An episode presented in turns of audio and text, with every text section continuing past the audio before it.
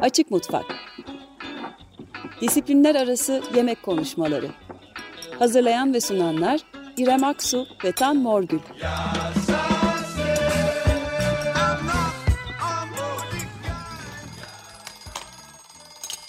Merhaba, 94.9 Açık Mutfak'tasınız. Ben İrem Aksu. Ben Tan.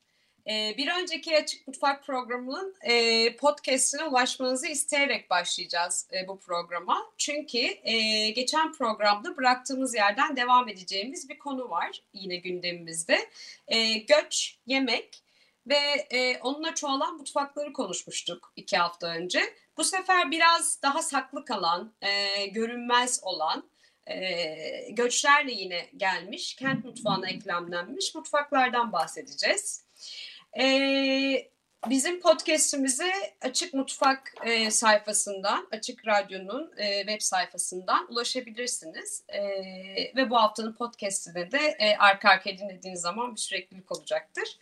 Evet ne konuştuk geçen hafta? Göçle değişen ve çoğalan mutfakları Türkiye ve dünya örnekleri üzerinden bir bakış, kısa bir bakışla aslında görmüştük. Ve İstanbul'da özellikle Suriyeli toplumun, topluluğun e, kent mutfağına nasıl, ne derece eklemlendiğini, yemeğin göç edilen coğrafyada kök salmaktaki işlevini Kadir Has Üniversitesi Mimarlık Bölümü öğretim görevlisi, Mimarlık ve Kent Çalışmaları Program Direktörü Ezgi Tuncer'le konuşmuştuk.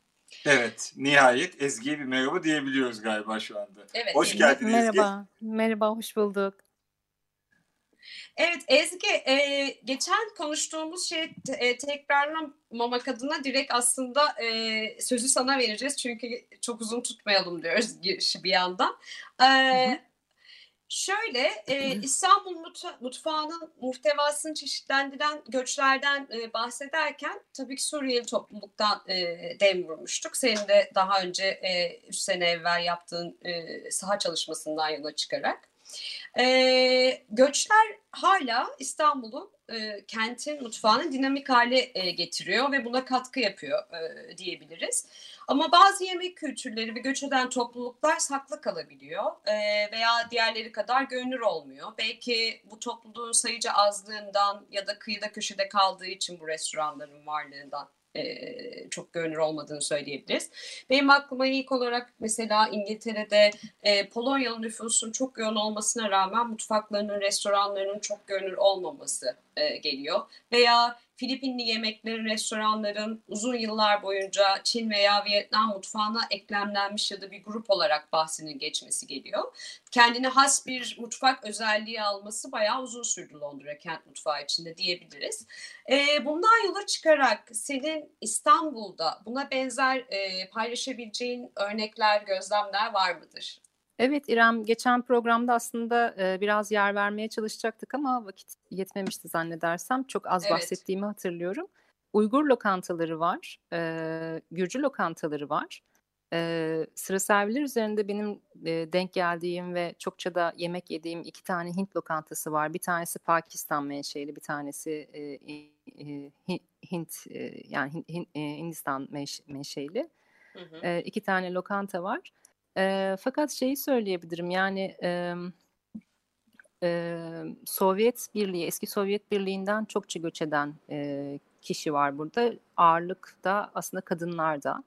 Gürcistan'dan, Azerbaycan'dan, Türkmenistan'dan, Özbekistan'dan, Kırgızistan'dan, Rus, Rusya'dan, e, Ukrayna'dan, Moldova'dan, Bul Bulgaristan'dan gelen çok çok sayıda e, göçmen kadın var.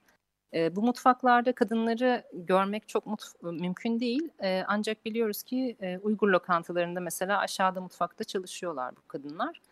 E, bu, bu mutfaklar çokça bilinmiyor çünkü komüniteleriyle de çok sık karşılaşmıyoruz. En çok bilinen e, ve son zamanlarda da hani buraya e, kitlesel bir göç olduğu için hani Suriyelileri biliyoruz ama Suriyelilerden daha fazla Iraklı var aslında. Yani bu bu rakamların pek fazla kimse farkında değil. Onlardan sonra Afganlar geliyor aslında. Daha sonra Suriyeliler. Yani rakamsal olarak böyle. E, fakat yani mutfağını gördüğümüz geçen programda da konuştuğumuz Suriyeliler artık yani Suriye mutfakları biraz daha e, çokça insan tarafından bilinmeye başladı. Fakat Aksaray dolayında aslında çokça Uygur lokantası var. başka Arap ülkelerinden gelen insanların da açtığı bir takım lokantalar var. Fakat e, meraklısı değilseniz bunlarla e, sokakta karşılaşmıyorsunuz. Bunların yerine gitmeniz gerekiyor. Bunları araştırmanız gerekiyor. Özbek lokantası nerede? Gürcü lokantası nerede? Uygur lokantası nerede diye bakmanız gerekiyor. Ezgi ee, bir şey sorabilir miyim? Tam tabii. da tam da merak ettiğim e, bir alana girdin. Çünkü hani bu e, şeylerin gettolaşması, bu göç mutfaklarının e, şehirlerde sen senin şey avantajın da var tabii. Yurt dışında da bunun örneklerini gördüğün için mesela Hint lokantası dediğin anda İstanbul'daki bunun kıyaslamalarını yapabiliyorsun. E, benim en çok merak ettiğim konu aslında konulardan biri de oydu. Yani böyle bir gettolaşma var mı İstanbul'da başladı mı? Sanki Aksaray'da Suriyeli için başlamış ama diğer mutfakları saydım mesela. E, onlar nasıl? Çünkü İngiltere'de bayağı böyle temel böyle tam ayrı ayrı mekanlarda var ama böyle bir getto alanları gibi de var hani belli e, milletlerin mutfağını bulabileceği. Yine ben getto demeyeyim buna ama şöyle bir şey söyleyebilirim. Göçmenlerin geldiği zaman İstanbul'da tanışık oldukları ağlar üzerinden yerleştirdikleri bir takım yerler var. Laleli, Aksaray böyle yerler. Ee, Suriyeliler Fatih çevresinde, Fatih Cami çevresinde epeyce lokanta açtılar ama e, Uygurları da daha çok e, Aksaray dolaylarında görüyoruz. Onun dışında tek tük mesela Lübnan lokantası var. Bir tane çok meşhur Lübnan lokantası var ama o değil aslında benim söylediğim. Mesela e, Tophane dolaylarında e, iki tane şubesi olan güzel bir Lübnan lokantası var. Suriyelilerin ve Lübnanlıların birlikte açtığını biliyoruz. E, Suriyelilerin e, bir müzik grubu da bazı zamanlarda bir şubesinde canlı müzik yapıyor.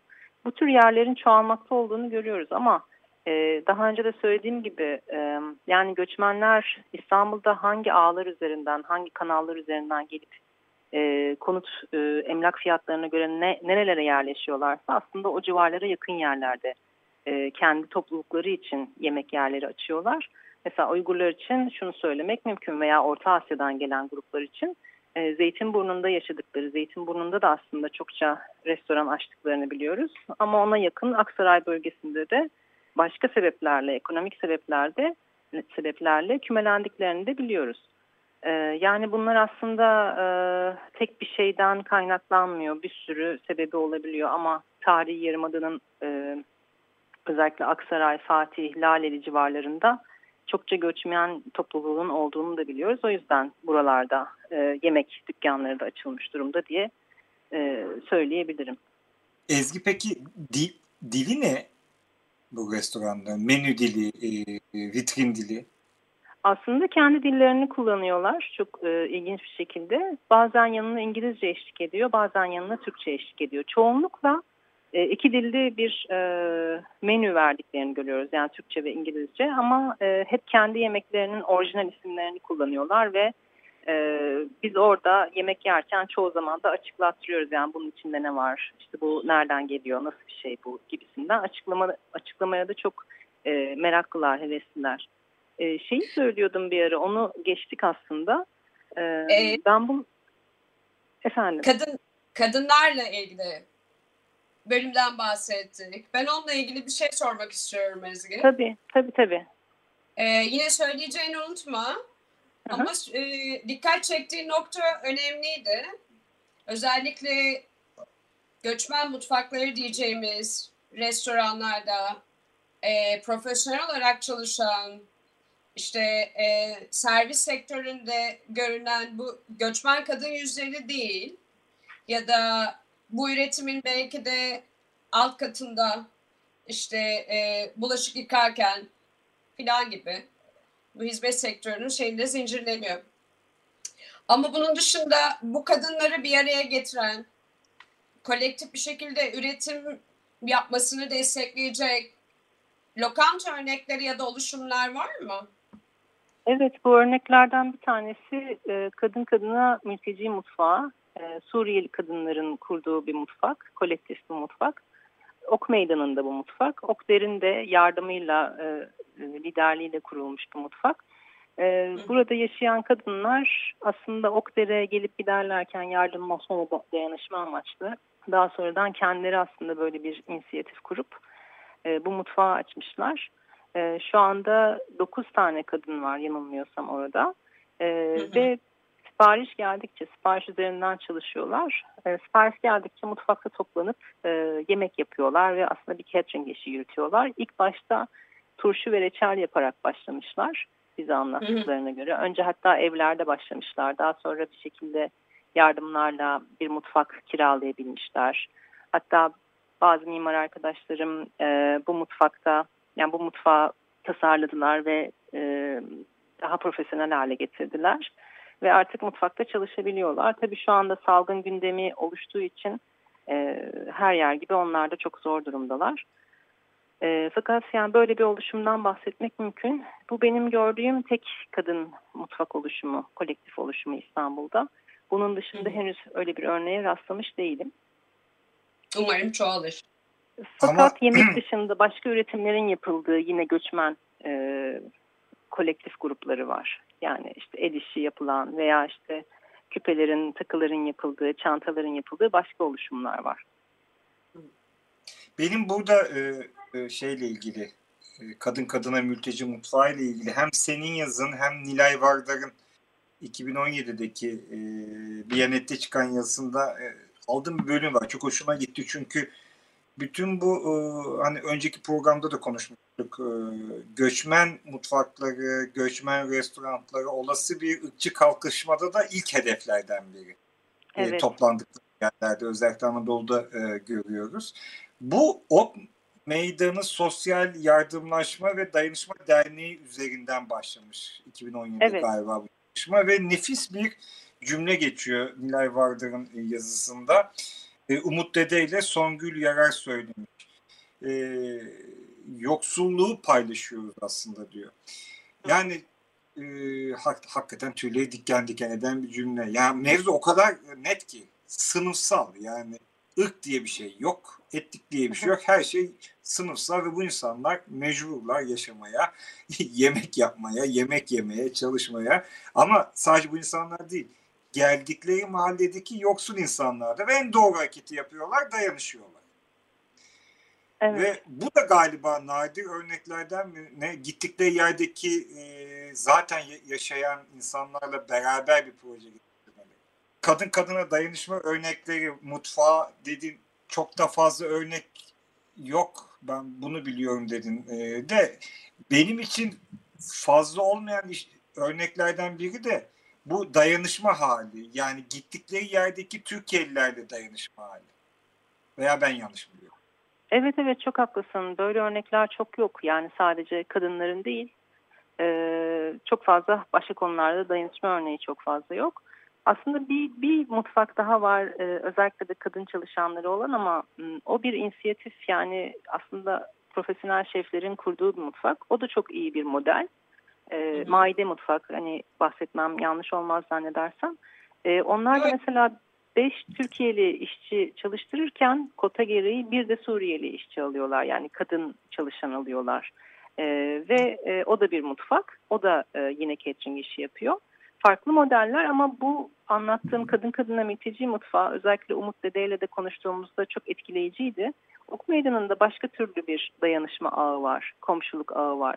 Yine şimdi salgın döneminde de aslında çok güzel bir e, kampanya başlattılar. Yine dayan çok iyi bir dayanışma örneği gösteriyorlar. E, o nedenle o çok özel bir örnek. Yani her açıdan, senin de söylediğin açıdan özellikle e, çok önemli bir örnek. Evet, bunun yanı sıra e, bu küçük mutfakların görünür olmamasının nedeni sayılarının da az olmasından kaynaklanıyor. Çünkü bu küçük lokantalar, oluşumlar, e, bahsettiğin işte Uygur lokantası gibi örnekler. Eğer çok isteyip merak e, etmiyorsa e, araştırıp yerini bulup gidip o lezzetleri tadacağın rotalar olamıyor. Çünkü e, sanırım özellikle e, bu da bir tartışma tabii. Etnik mutfak dememek gerekiyor belki de.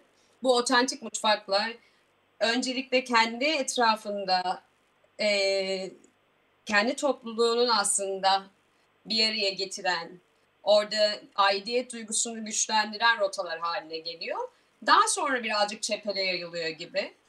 Bunun e, Avrupa'da, batıdaki örnekleri genelde e, ya bir televizyon şefinin popülarite kazanmasıyla ya da gastronomik olarak işte öne çıkarılan bir e, otantik mutfak malzemesiyle e, o, o mutfağa ilgi artırılıyor ya da o, o lokantalar e, uğrak bir rota haline geliyor. Özellikle kentliler açısından.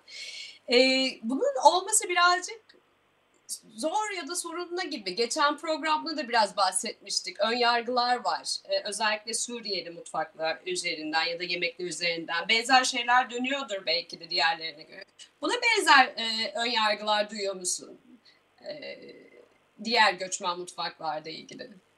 Şöyle bir şey oluyor aslında. E, mesela Özbek veya Gürcü lokantasında bir mantı yiyeceğiz diyelim ki e, insanlarda bir küçümseme hali olabiliyor. Yani ne var ki canım bu da mantı işte yani sanki bizim mantımız yok mu ya. Yine yine böyle bir milli duyguların kabarması ile ilgili bir tepki yani bununla karşılaşmak mümkün olabiliyor. E, ya biraz da galiba Türkiye'nin e, tarihsel sürecinde hep böyle bir batıya bakma hali var ya, hep böyle bir batıya öykünme, özenme hali var. Yani bizden daha batıya, hani Avrupa'ya işte diğer ülkelere bakma hali var. O yüzden de böyle bizim doğumuzda kalan ülkeleri bir aşağılama halimiz var. Ya ben son zamanlarda bunu çok düşünüyorum çünkü e, e, bu e, eski Sovyet ülkelerinin e, ya da işte e, Güneydoğu e, Asya ülkelerinin e, yani biz, biz bize gelen Türkiye'ye göç etmiş çokça nüfusu var ama biz görmüyoruz. Yani coğrafyada nerede olduğunu bile bilmiyoruz aslında bazı ülkeleri. Yani mesela Tacikistan nerede desem hani hemen hızlıca söyleyebilir misiniz bilmiyorum. Ben söyleyemezdim. Biz hiç o tarafa bakmıyoruz. O yüzden de bu, bu tür mutfaklar e, Suriye mutfağı da buna dahil. Böyle biraz küçümsenen ya da işte şey denilen mutfaklar yani ne var ki canım işte zaten e, biz, biz de yapıyoruz veya bizim daha iyisi var gibi söyle, evet. söylenen e, mutfaklar maalesef. E, evet. Yani bununla karşılaştığımı söyleyebilirim rahatlıkla. Aslında şey e, herhalde son dönemlerde sadece e, bizden doğuya değil bizden batıya e, bakana da bir aşağılama duygusu var. herhalde tarihin kibirli e, egosu yüksek dönemini yaşıyor memleket. Ama öte yandan çok haklısın. Yani e, o artık e, kendini böyle üstün görme halini yapabileceği en basit yer üzerinden yemek üzerinden tanımlama. Yani bir tane ay ne bileyim e, aplikasyon teknolojisi çıksa bunun üzerinden üstünlük taslayamıyor ama bir dolma üzerinden taslayabiliyor. Ama hı hı. benim sana soracağım soru başka bir şey. Bir de bu yemekte yiyince gözleri yaşaranlar var herhalde. Ne açıdan? Acı acıdan dolayı mı yoksa duygusal anlamda mı? Öz, özledikleri için birazcık da yazıdan evet. yola çıkıp Evet evet tabii ki. Yani uzun zaman düşünsene 10 senedir memleketinde değil. Ee, evet. Ve tamamen annesinin yaptığı gibi belki o dolmayı yapan bir mekana gidiyor. Evet tam da öyle. Böyle bir e, röport, röportajla karşılaşmıştım. E, yani birisi şundan bahsediyordu. Savaş sonrası Suriye'den geldikten sonra bir Suriye lokantasındaki o Suriye lokantası ev yemekleri yaptığı için çok çok da ünlendi bugün. Ee, orada ilk defa bir sarma tadıyor ve annesinin yaptığı sarmanın neredeyse aynısının olduğunu söylüyor ve o anda gözleri doluyor. Yani hani onu yerken gözleri doluyor yediği anda. Ee, bir e, film var The Lunchbox diye yani e, Sefertası. E, orijinal ismi de Dabba aslında o tam bu anlamda çok güzel anlatıyor. Ee, yani belki meseleyi uzatacağım ama eşini kaybetmiş bir adam ilk defa ev yemeği yiyor yıllar sonra ve e, yani hem koku hem tat o kadar e, büyük bir duygusallığa sebep oluyor ki bununla ilgili Spinoza da aslında e, yazıyor. Yani dilimizdeki o tat alma duyusunun e, sevgiyle çok bağlantı, o afektle çok bağlantı, duygulanımla çok bağlantılı olduğunu söylüyor. O yüzden bence dille kalp arasında doğrudan bir bağlantı var yani bunu söyleyebiliriz.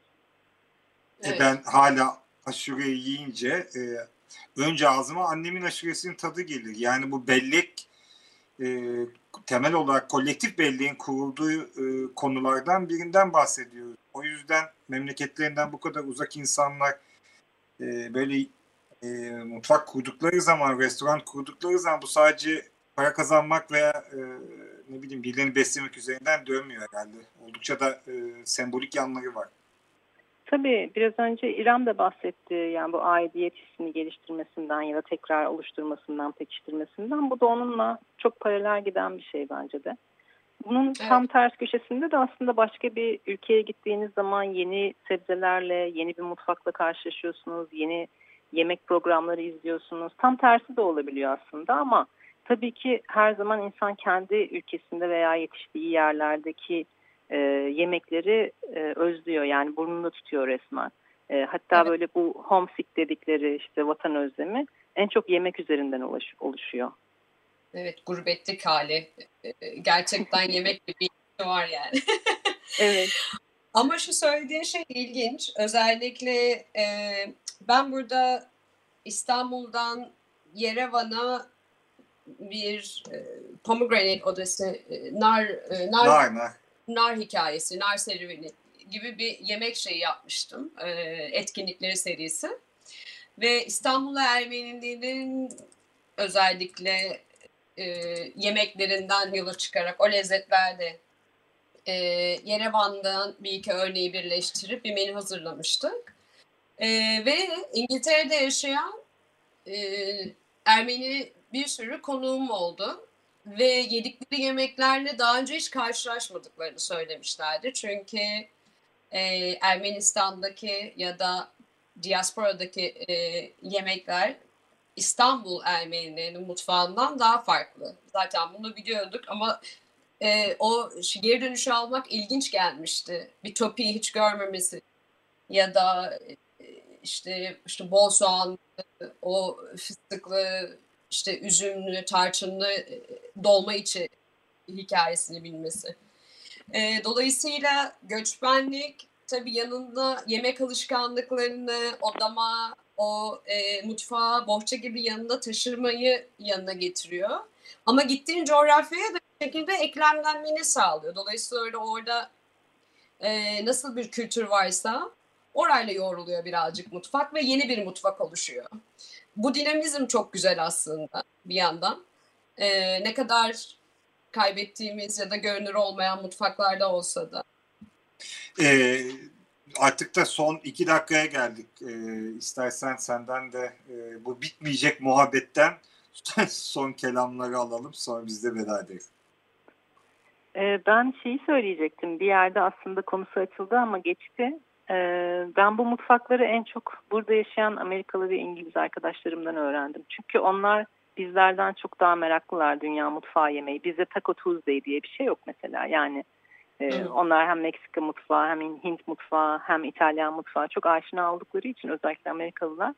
E, Yani bu, bu, bu lokantaları neredeyse hep onlardan öğrendim onu söyleyeyim. O çok ilginç geliyor bana.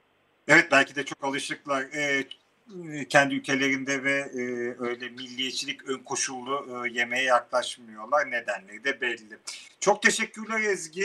Ee, ben teşekkür ederim. E, umarız bir daha e, bu restoranlardan birinde İstanbul'da yaparız bu muhabbetleri. Ah çok güzel olur. Pandeminin bittiği huzur dolu günlerde.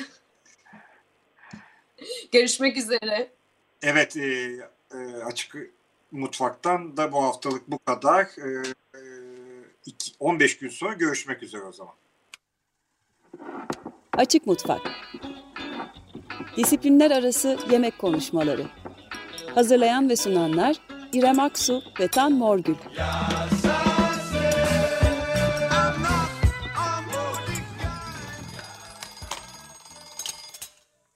Açık Radyo program destekçisi olun.